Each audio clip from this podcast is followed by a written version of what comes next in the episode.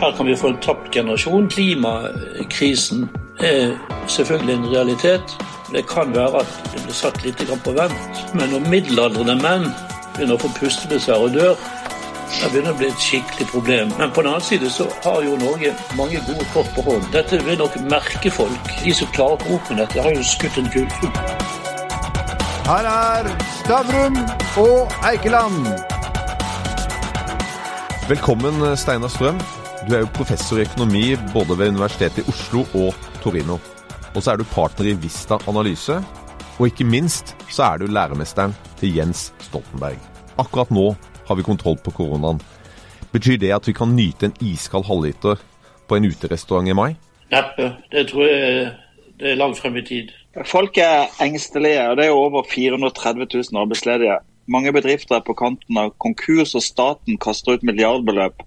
Hva ser du som langtidsvirkningene av denne økonomiske pesten, hvis vi kaller det det? What's gravity? When does the grass grow greener? Can people with longer legs jump higher? How are plastic cups made? How filthy are our parents? Which ingredients make the best slime? Why do we dream? Are you faster than a calculator? Could a robot be powered by fruit or vegetables? When children ask why, who knows what will happen? ESB Science Blast, delivered by the RDS, empowers students from 3rd to 6th class to discover the wonder of science by investigating simple questions, wherever their classroom is. To find out more, visit esbscienceblast.com. Ja, Foreløpig er jo da tiltakene veldig kraftige, og vi har fått en veldig nedgang i norsk økonomi. Har fått en ledighet som vi aldri har hatt før. Og en slik ledighet vil sette spor etter seg. Spesielt blant unge som ikke kommer inn i arbeidsmarkedet, og som faller helt ut. Her kan vi få en tapt generasjon, og det kan selvfølgelig være veldig farlig på lang sikt. Hva betyr en tapt generasjon? Jeg hører det mange økonomer som bruker det begrepet. Hva legger du i det? Ja, det, hvis det, Dette tar litt tid, la oss si ett to-tre år med kraftige virkninger så vil etter hvert flere og flere falle ut av arbeidsmarkedet og ha vanskeligheter med å komme inn igjen. De er veldig sårbare i den situasjonen hvor de søker etter arbeid. Og noen har bra utdanning, kanskje mange andre har ikke så veldig bra utdanning. Og det er stort sett de med lav utdanning som tapper mest på dette. Men NHO de spår et fall i fastlands-BNP på nesten 9% i år. Og vi har ikke sett et slikt fall siden nazistene invaderte Norge i 1940. Hva betyr egentlig det for nordmenn flest? Ja, Det er jo veldig mye, men nå har jo Holden-utvalget kanskje et annet anslag. Men ja, det betyr veldig mye for folk flest. Det betyr en lavere levestandard. Det er ikke bare det at du ikke kan gå ut og drikke en utepils. Det er også mange da som får en svært begrenset økonomi. Og uh, spesielt de som har vært ansatt kanskje i privat sektor mistet jobben. Og Det betyr en kraftig nedgang i, i, i levestandard. Riktignok er vi i utgangspunktet ganske rike, og vi er i stand til i dette samfunnet å ta vare på også de som faller utenfor. Men det er ikke tvil om at det kommer til å bli lavere levestandard for mange. Men Hvis vi fortsetter å henge litt med, disse, med denne tapte generasjonen for Nå har vi jo fått tiltak som gir penger til de arbeidsledige. Vi har ganske gode ordninger for bedrifter. Men denne gruppen er det foreløpig ikke lagd noen tiltak for. Hva, hva, kan vi gjøre for å hindre at det blir en tapt generasjon? Ja, det er veldig vanskelig for det viktigste vil være å få dem i jobb eller få dem i utdanning. Mange av disse ville først og fremst hatt størst utbytte av å komme ut i jobb, og kanskje noen flere av dem også i utdanning. Men siden det ikke er noe jobber å gå til, så er det et virkelig dilemma. Vi har aldri opplevd maken, for det er jo ikke bare i Norge dette skjer. Det er jo virkelig verdensomspennende, et verdensomspennende eksperiment. Men, men, hva skjer da med f.eks. med boligprisene? Ikke bare de neste to månedene, men de neste årene f.eks. Altså, skal dette brutalt ned? Gjelder boligpriser skal jeg være veldig forsiktig med å anslå noe som helst. Men uh, det er klart at når uh, inntektene faller og arbeidsløsheten stiger, så vil nok også boligprisene falle. Hvor mye, det er jeg ikke sikker på, men det er klart. Du, du, er jo professor emeritus. Det betyr at du er en klok, eldre herre med god akademisk utdannelse. Og Vi har jo hatt finanskriser før hvor det har vært stor arbeidsledighet blant ungdom. Hvis du ser på virkningen f.eks. i Europa, er det grunn til å bli bekymra for at ikke økonomiene kommer til å takle dette? At vi, at vi også i Norge får høy ledighet i en kohort som kommer til å vare ganske lenge? Ja, det er det jo. For vi har jo sett i senere tid at selv om vi har veldig lav arbeidsledighet, så er det mange som har falt utenfor arbeidsstyrken. Og eh, det viser i økte uføreandeler blant selv yngre menn. Men eh, det satte spor etter seg. Vi har, en, vi har hatt et fall i, i, yrkesaktivitet i Norge, spesielt blant yngre. Eh, jeg er jo ikke så veldig bekymret for Norge, for vi tror vi er vel kanskje blant de land i verden som kommer til å klare dette aller best. Er mer bekymret for mitt andre land, altså Italia, og det virkelig kan kollapse. Og det i lang tid har vært en veldig lav yrkesdeltakelse, spesielt blant yngre menn og kvinner med lav utdanning, og dette kan gå helt riktig gale. Vi vet jo ikke hva utfallet dette kan bli. Italia er jo ikke akkurat et land som er preget av en nasjonal enhet. Det er mange regioner, mange provinser. Og Her kan det bli mye tumulter, og jeg vil ikke si revolusjon, men det kan bli mye tumulter. Men, I kjølvannet av dette, hvis dette skulle da etter hvert kunne gå noe over. Disse krisene, denne krisen, og kriser vi har hatt før, setter spor etter seg hos folk, spesielt blant unge som skal inn i et arbeidsmarked.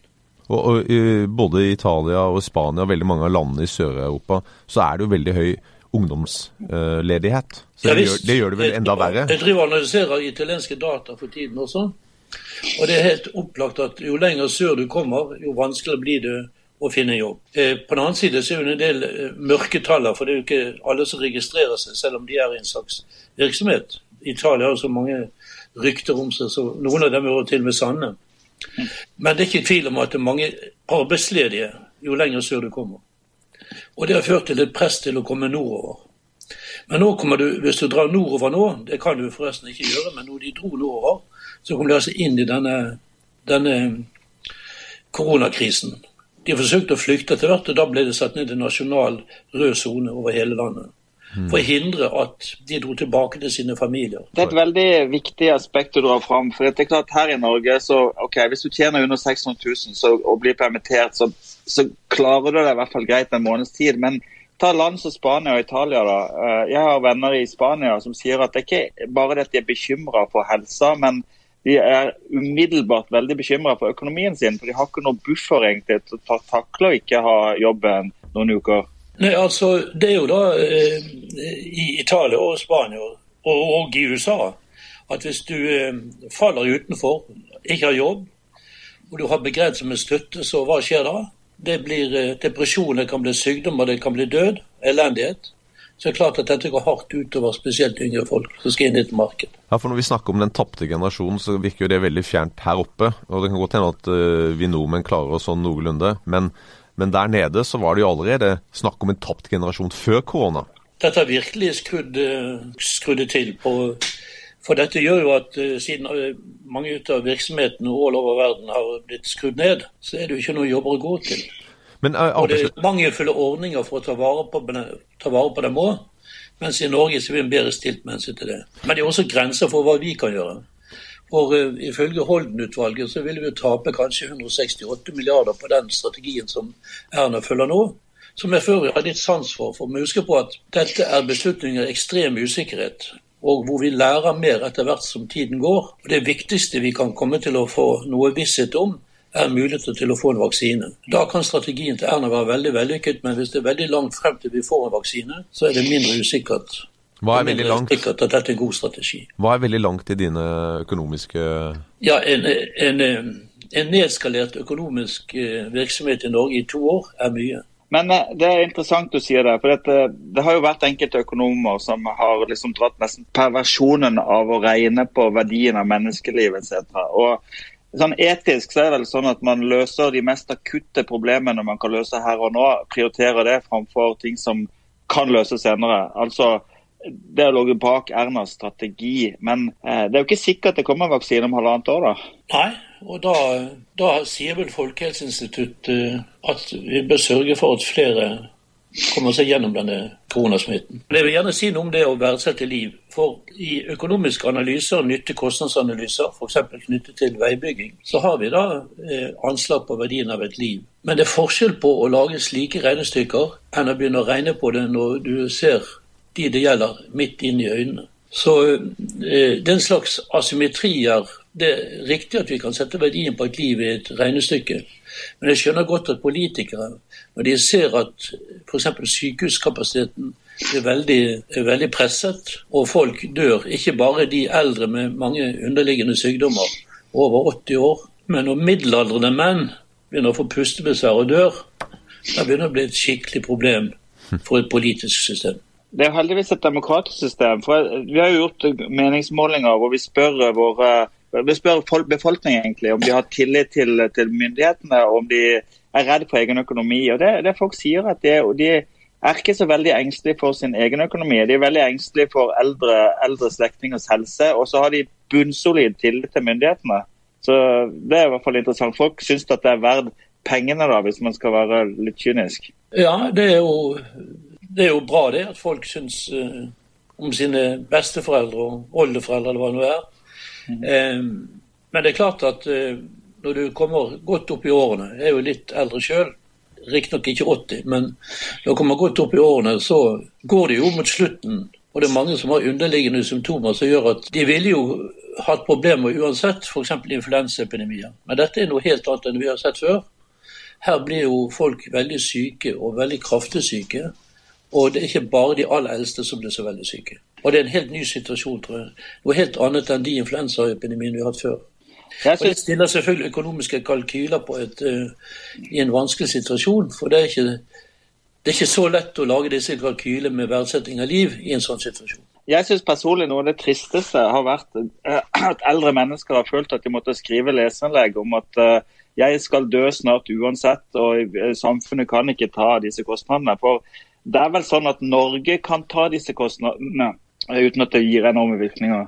Ja, det mener jeg. Mm. Selvfølgelig så har det sine konsekvenser. Hvis vi har en lang periode med strenge tiltak, så kan det gå utover en del andre mennesker enn akkurat de eldre. De sitter der uten en jobb, kanskje har de blitt syke også, men kommet seg gjennom det.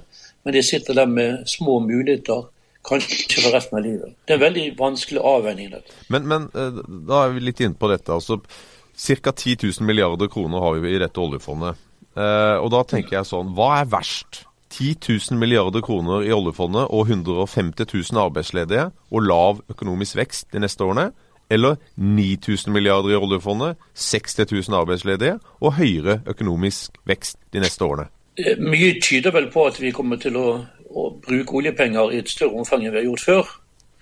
For uh, du har rett i det at det er en, en gevinst både velferdsmessig og menneskelig og økonomisk å få folk mer sysselsatt. Og Hvis vi kan gjøre det ved hjelp av bruk av oljefondet, så ville det kunne skje. På den annen side så er oljefondet ment å være noe som skal brukes til eh, pensjon og annet for kommende generasjoner. Men eh, hvilke, nå, nå, nå, begynner vi å sette i gang etter påske.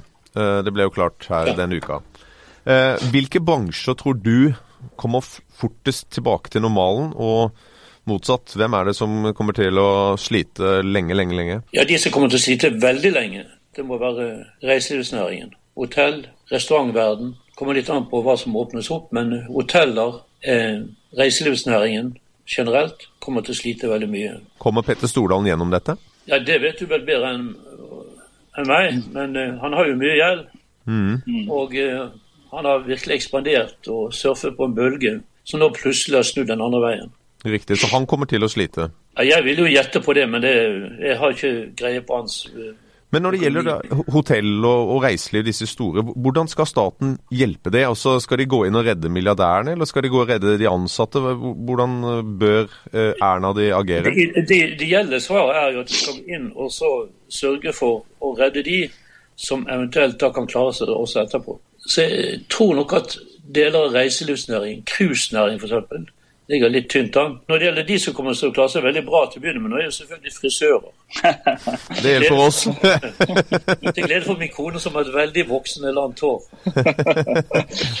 Men er det ikke sånn eh, Jeg syns det har vært interessant å høre den diskusjonen rundt utbytter og ikke minst oppsigelser. For ta, ta hotellnæringen, da. Det kan jo være at vi nå får en varig lavere etterspørsel etter hoteller, sånn at det faktisk er riktig at den næringen må nedbemanne som en endring ja, det, av det? Det tror jeg du har helt rett i. Vi vil se en lavere etterspørsel tror jeg, fremover, hvis vi kommer gjennom denne koronaen i verden, etter eh, både reiser og hotellopphold. Dette, dette vil nok merke folk.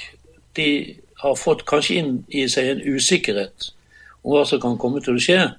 For riktignok har vi hatt influensaepidemier før, også i dette året. Men dette er jo en, en virkelig annerledes epidemi, virker det som ditt eh, synspunkt på akkurat det. for vi, vi for som er i finanslivet de oppfatter jo på en måte at børsen kan jo snu 180 grader på to dager, og alt er glemt. Men du som er sosialøkonom, eh, hva blir de reelle langtidsvirkningene altså, i, i forstand av, når det gjelder psykologien til folk? Kommer dette til å få veldig varige effekter, eller er ting fort glemt eh, tradisjonelt? Jeg skal være litt forsiktig der, for jeg er jo ikke akkurat utdannet psykolog.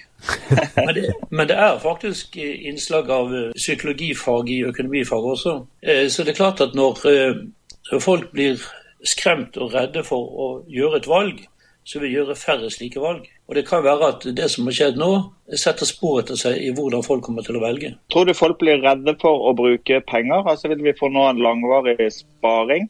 Mindre i Norge enn i andre land, for her har vi da det store vi som sparer for mange av oss. Men eh, jeg tror nok at i land som Italia, som har en høy sparerate, fra før av. De vil nok uh, kunne bli mer usikre på hvordan fremtiden vil bli, og kunne kanskje komme til å spare mer. Og betyr da at det blir mindre penger brukt på varer og tjenester. Bare for å følge opp det poenget. fordi at uh, Jeg tror det var Viktor Normann som i sin tid sa at Norge er en liten, åpen økonomi. Selv om Norge skulle klare seg bra isolert sett gjennom koronakrisen, så, så går det jo ikke så veldig bra med oss hvis resten av verden ikke gjør det bra. Nei, altså vi er jo eh, avhengig av å eksportere.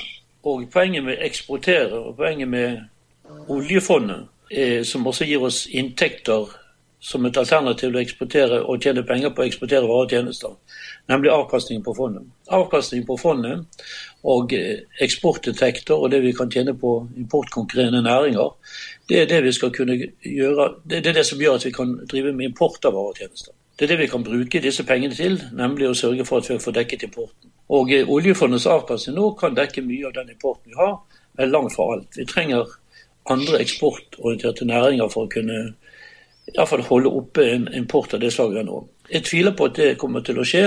Jeg tror vi kommer til å gå ned i både import og eksport. Men på den annen side så har jo Norge mange gode kort på hånden. Vi har olje og gass. Jeg tror vi kommer til å se, hvis vi kommer gjennom denne krisen i løpet av et par år, så vil nok olje- og gassetterspørsel holde seg oppe. Mm. Klimakrisen er selvfølgelig en realitet, og det kan bli nødvendig å gjøre noe med klimautslipp. Og vi gjør jo mye i verden allerede nå, men det kan være at det blir satt litt på vent. Her har vi kommet inn og kanskje ut av en veldig veldig forferdelig krise. Men, men så, I tillegg har vi vannkraft, og vi har kraftintensiv industri. Alle disse tre, vannkraft, kraftintensiv industri og olje og gass, er relativt kapitalintensive. Mm. Og det kan vi klare å leve godt med. Så har vi en del mer arbeidsintensive eksportnæringer som sjømat, og de kan kanskje bli noe mer rammet. Uh, siden vi har en, en, professor, til og med professor uh, på, ved to universiteter, så hva vil du si til en type liberalistisk økonomisk økonom som sier at vet du hva, staten burde ikke røre dette, la det brenne ned, la, la kapitalismen ta hånd om denne krisen selv? Ja, da vil jeg si at eh, det er ikke noe politisk system som vil kunne gjøre dette. For med en gang folk begynner å dø i et stort antall, ikke bare de eldre som mange mener likevel skal komme til å dø snart, så tror ikke et politisk system vil være i stand til å takle det uten at det skjer en endring i retning av mindre liberalisme, mer inngrep. Det vi nå ser i Norge, dessverre, er jo at vi burde vært mer i beredskap. Vi burde hatt et større beredskapslager av ting eh, som vi nå kunne brukt i denne krisen. Alt fra pustemaskiner til, eh, til eh, masker, og, som er blitt nevnt av flere. Og Jeg tror også det vil komme en, en, kanskje en bevegelse etter dette som vil si at vi trenger en, en, en sterk offentlig sektor ikke så stor offentlig sektor, vi trenger en sterk offentlig sektor som legger vekt på at det er noen sektorer som ikke så lett kan privatiseres.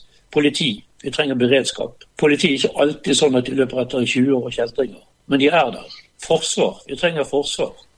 Men vi trenger også et helsesektor hvor det er ledige senger fra tid til dag. Det kalles beredskap. Og hvor ikke alt blir fullt utnyttet. Mens en privat sektor her ville kanskje vært mer tilbakeholden med å ha for mange ledige senger, for det lønner seg ikke på kort sikt.